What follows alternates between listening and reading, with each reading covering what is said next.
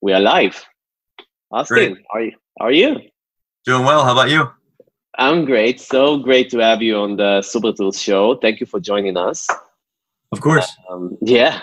Uh, so let's start. Uh, tell tell us a, a bit about yourself um, and also about Morning Brew. What do you do? Yeah, of course. So I'm from Maryland.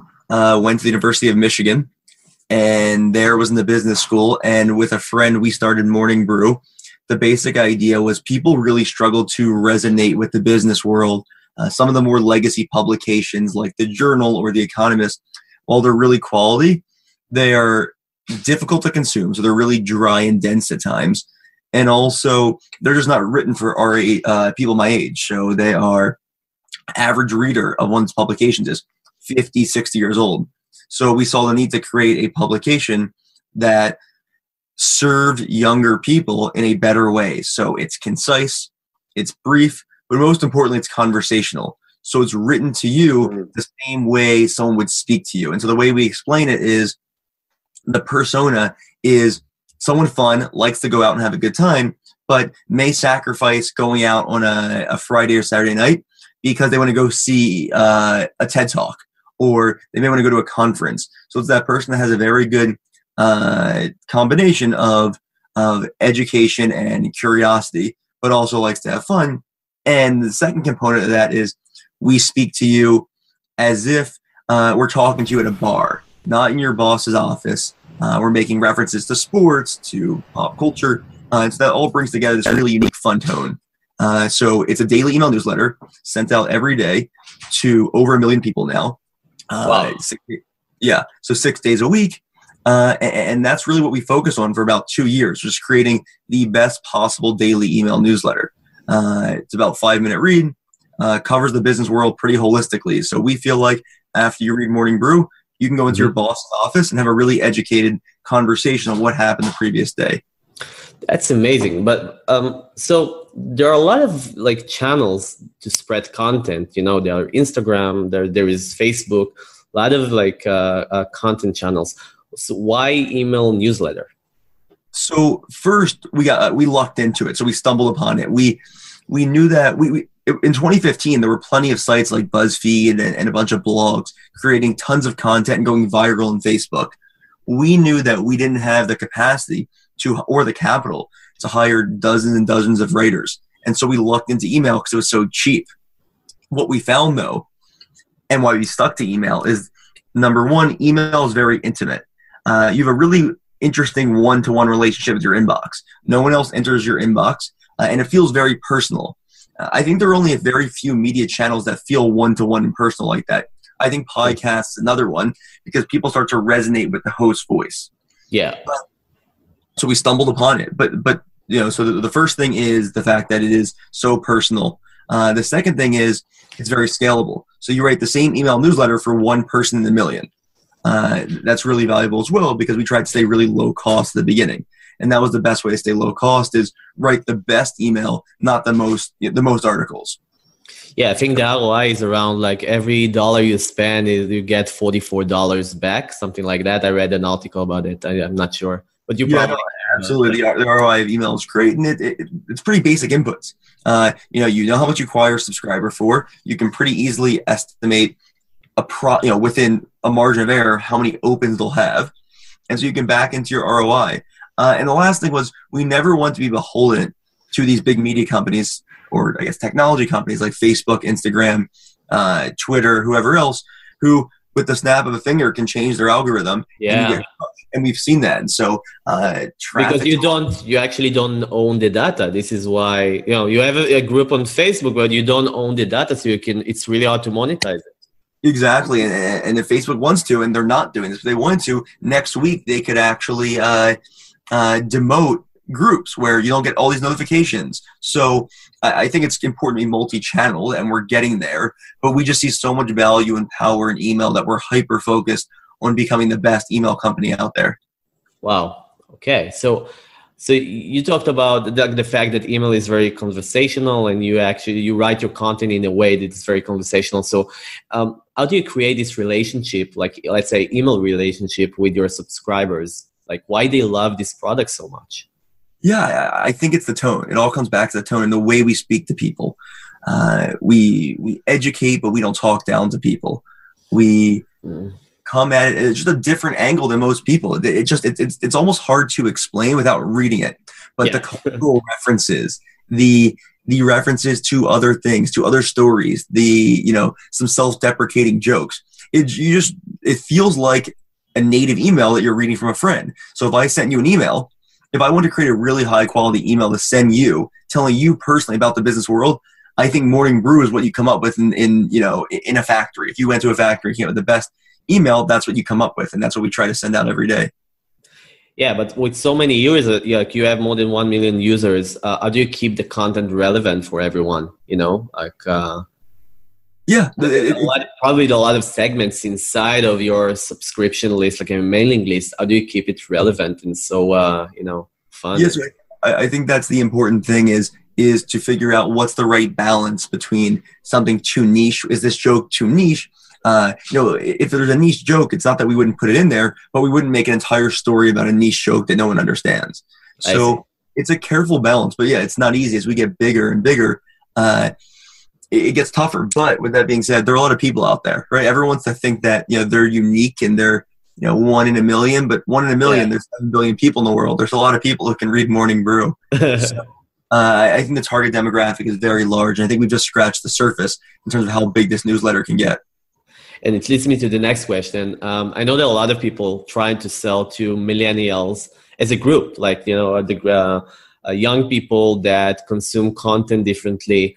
Uh, what what are your tips? Like, if you have any tips for writing good content for millennials, good newsletters, what what do we need to bear in mind?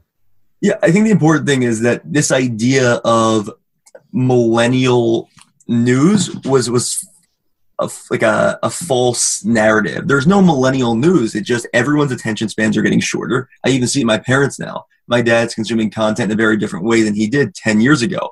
So I don't think it's necessarily millennial news. I just think it's modern news. It's the new style. It's bullet points. It's bolding. It's telling you and as a concise way as possible what you need to know. It's not about saying, okay, this article needs to be 500 words. It's saying this article needs to get its point across in as few words as possible. Uh, so just being concise and brief and focusing yeah. on what actually matters. So, well, why do you think like well, we're in an, in an era that we don't have any attention?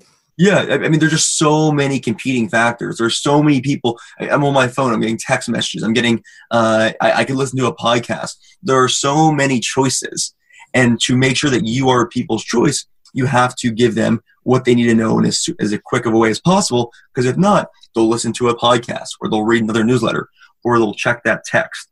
And so it's really important that you people can, can if they want to skim, they can skim. If they want to read, they, they can read, but you give them exactly what they need to know in the best way possible.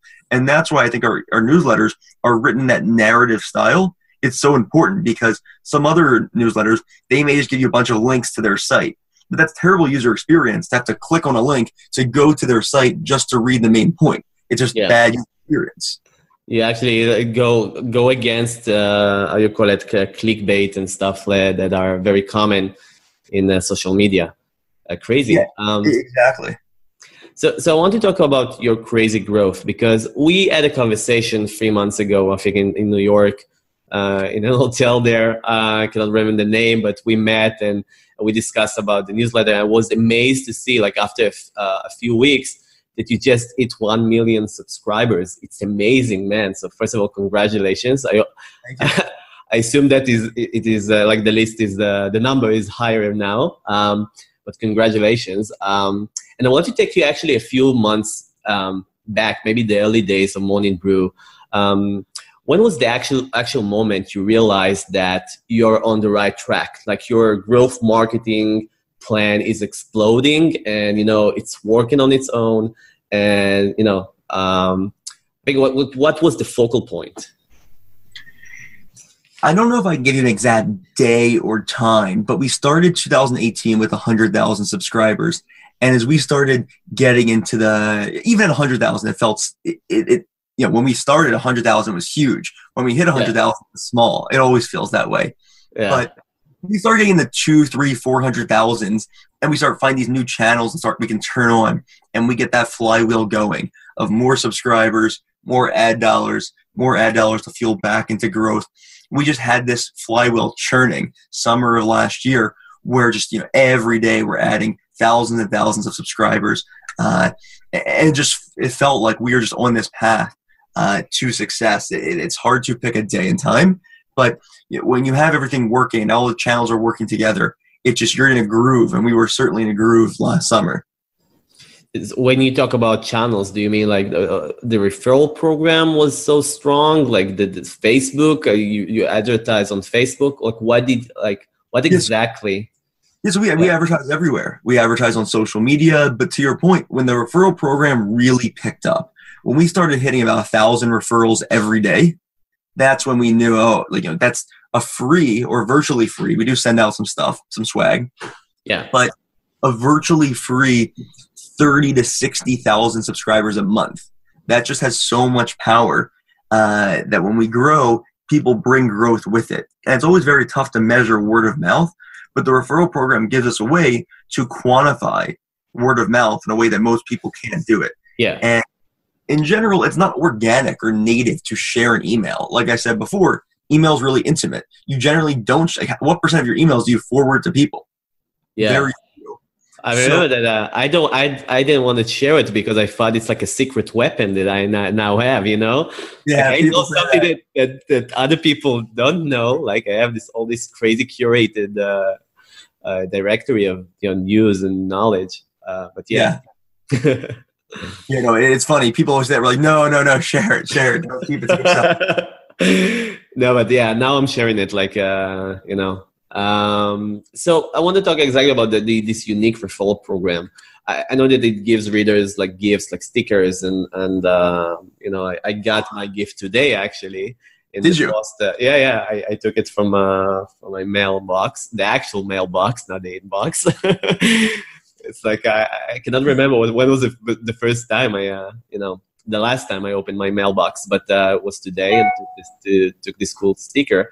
Um, and you give it for people uh, for for uh, forwarding uh, their emails to friends. And um, and like my question is how did you come up with this crazy idea? You know this is a newsletter. You have really a very unique system uh, thing at the bottom of the email when you can actually see uh, a landing page it's like a, a, personal landing page when you can see how many referrals you have and send it to uh, um, send the link uh, directly to people, and then then you can uh, grab swag, which is pretty amazing. How did you came like come up with that? Yeah, we did some research. Uh, referral programs certainly aren't. We're not the first one to ever do a referral program, but we knew we wanted that tied in. Uh, because again, on day one, we, we had no marketing budget when we were in college. So we needed something that was free. We needed some way to incentivize people to share the newsletter. And we did some research, and that, and where we came to was actually uh, Harry's Razors. I'm not sure if they're big in Israel, but it's a it's a huge direct consumer razor company. Uh, had a pre-launcher, and they ended up with hundred thousand email subscribers on their pre-launcher, and wow. they yeah and they open sourced that code, and we took that, and now we've changed it so much. I'm, I'm sure it doesn't even look like it did back then, but uh, that that was kind of it was that, and a few newsletters had referral programs, and we just did some research on what would incentivize people, and and we wanted to give people the right incentives. So we didn't want to incentivize people by Venmoing them a couple dollars like some people do, uh, you know, PayPaling or whatever, uh, because we want to make sure our most loyal customers we're finding more loyal customers, and that's why we give out more content. So if you get three referrals, you get our Sunday edition, and the reason we do that is because uh, who's most likely to refer? People who love the newsletter and want to champion it to other people. What do people who love the newsletter want? More content. So we give yeah. them more content. Same thing nice. with stickers. Some people email us say, "Hey, why would I want a morning brew sticker?" And our response is, "You're probably not the type of person who would share anyway." Uh, we want people who want morning brew stickers to share because then they're going to put that sticker on their laptop and it's just going to continue to grow and the flywheel just will continue to churn out. Wow, that's amazing. It's a good thought. Um, okay, and and um, instead of it, like I know that you're launching now a very um, you know you, you're, you're doing like a series of, of different newsletters or let's call it like uh, clusters. I don't know what's the exact name. Um, Yeah. but Yeah, we're, we're calling them industry newsletters. so industry newsletter. So um, so you have i know that you just launched imagine emergent technology which is uh, i also a subscriber there and i love it. And um, I, so first of all how was the launch? Like uh, was it challenging? So it it definitely is a unique challenge for us. So for a year and let's say six months, we had one focus and it was one newsletter. And we wanted to create the best newsletter out there, figure out the best ways to grow it, and then figure out the best ways to monetize it and get that flywheel going so we didn't have to raise millions of dollars of venture capital to grow into whatever else we'd become. But the transition from one core product and everyone focusing on one thing to everyone focusing on a catalog or a series of things is a massive transition for us. And we're still going through that now. We certainly have not mastered that or even gotten close to it yet. Yeah. It's a it's a big challenge uh, to decide how much effort do we put into growing each industry, how much money do we put into it, uh, how much editorial goes behind it, why, uh, how big does it need to be, what's the total market. These are all questions we're still asking ourselves now.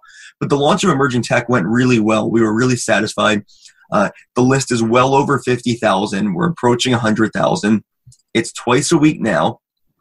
And w- the basic idea behind this whole thing, to take a step back, was we got so many emails from people saying, Hey, I love Morning Brew. I love the tone, love the style, but I work in marketing.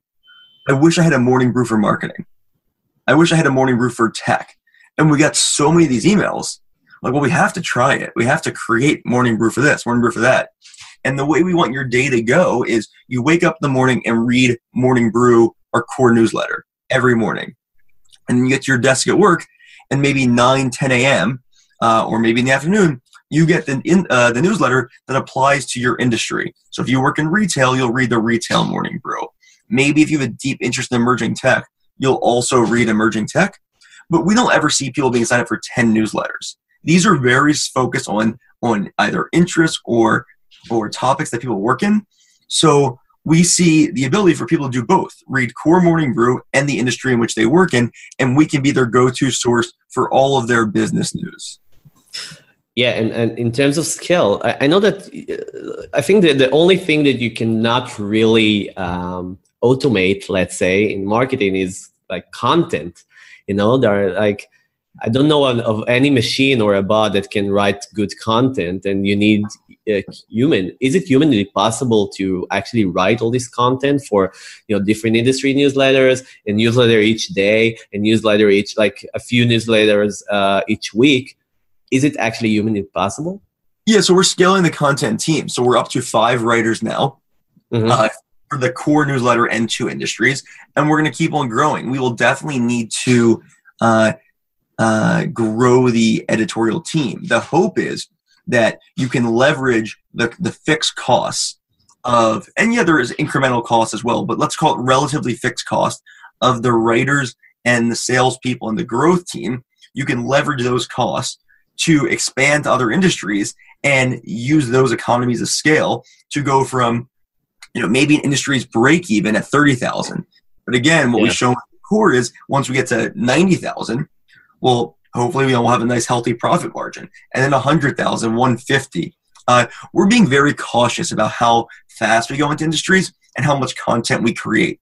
Because we may find that there's not five days of emerging technology news that we want to cover. And that's fine. And we're not going to force it just because we want to send more times. Maybe instead, one day a week, we'll do something interesting. We'll do something that no one else does a clever deep dive into areas of interest. You know, maybe we'll do a month of AI explainers. Who, who knows? But we're leaving ourselves very open to having time to think about how do we cover this industry differently than everyone else out there.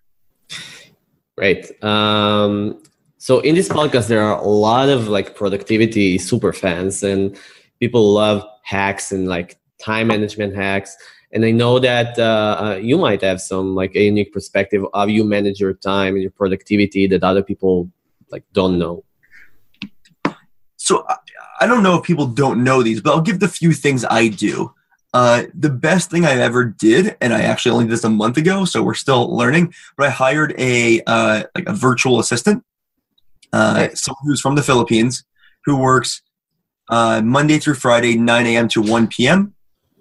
USA time, New York time. Uh, Yeah. it's been incredible.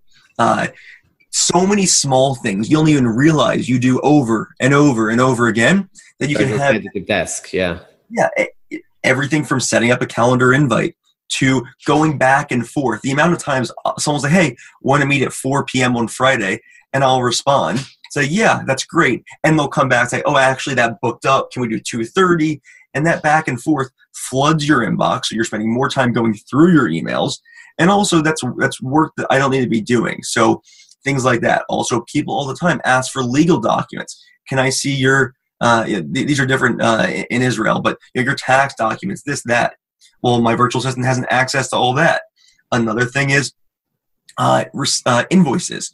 I used to save, catalog, put in the QuickBooks all the invoices. Now the assistant does that. So it really does. You think these things are, oh, 40 seconds here, a minute here, but I've seen them add up to a, a lot of time. It saved me a lot of time and, and just mental capacity that you don't need to spend doing those type of things.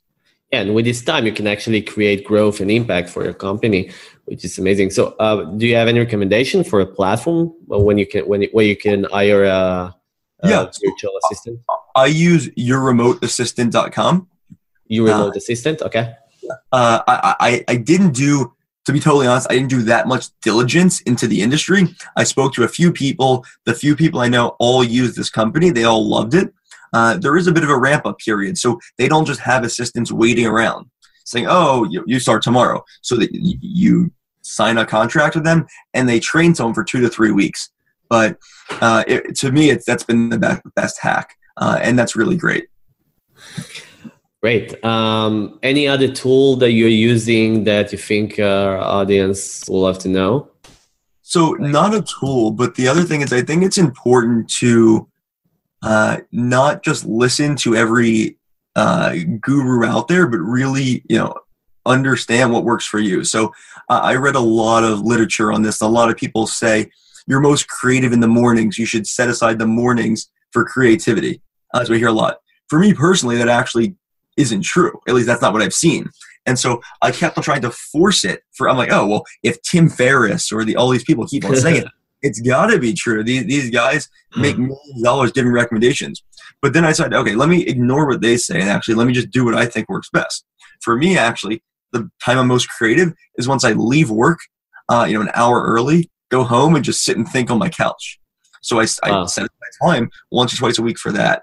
Uh, in the morning, I actually do more reading. I, I, I read a lot of news in the morning. We're a news company, so I have to. Uh, but but I, I don't find myself being most creative is in the, creative in the morning. So I- I think it's a lot of it's about knowing yourself, and then also just sticking to what you what works. So don't try to overthink it.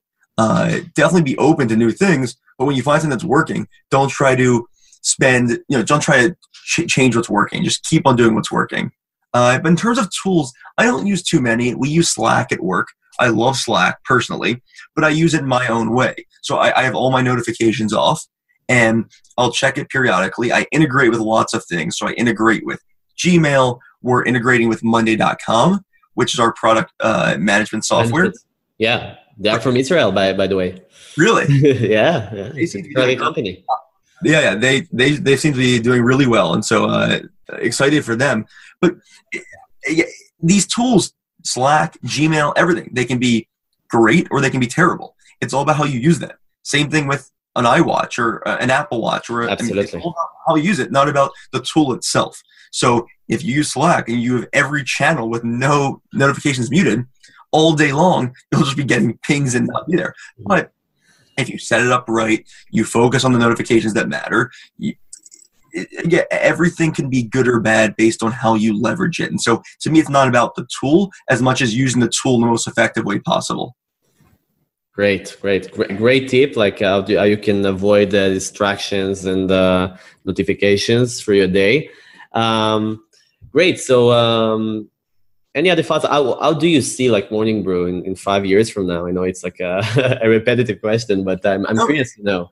It's a good question. So I think in five years we won't just be a media company. We'll be a company. Uh, people call us a media company. That's great. And right now we're an ad based company. But there is this convergence of commerce and content where media companies are looking more and more like just regular commerce direct consumer product companies because they're launching products services classes etc to diversify revenue and commerce companies are launching media arms. And so i don't know how many of these companies are popular in israel but these direct to consumer companies are now launching podcasts and night books for your nightstand and and there's a there's a convergence here. And our hope is in 3 to 5 years we will have a very very healthy profitable media arm that will be ad supported with audio with some video with events and with content obviously. But i would have a whole other part of the business where we are helping educate people where we are enhancing people's relationship with the business world and monetizing through that so in three to five years what the company will look like uh, is to be determined. But what I know is that it will be a multi revenue stream business where we will be doing many things well and focusing on an audience. That's the key. The key is we have the access to the audience. Now, what we can sell them and help them with is up to us, but it's all about just having the audience. Uh, and I think that's that's where we'll be. I think it'll it'll be a really exciting couple of years. Uh, we're very focused right now on the content and the ads, but in a year or two, we're really going to think about what are other things we can you know charge people directly for that will make their lives better. Great, Austin. So first of all, thank you so much for joining us, and uh, hopefully I can see you soon in Israel. Uh, but yeah, but as for now, I, I love seeing you each morning with my coffee uh, in my in my inbox. So it's a great welcome into my inbox. Thank you for creating together with your team uh, the morning brew, and uh, good luck with your growth and uh, you know and startup life. Thank you. I appreciate it as well. Thanks.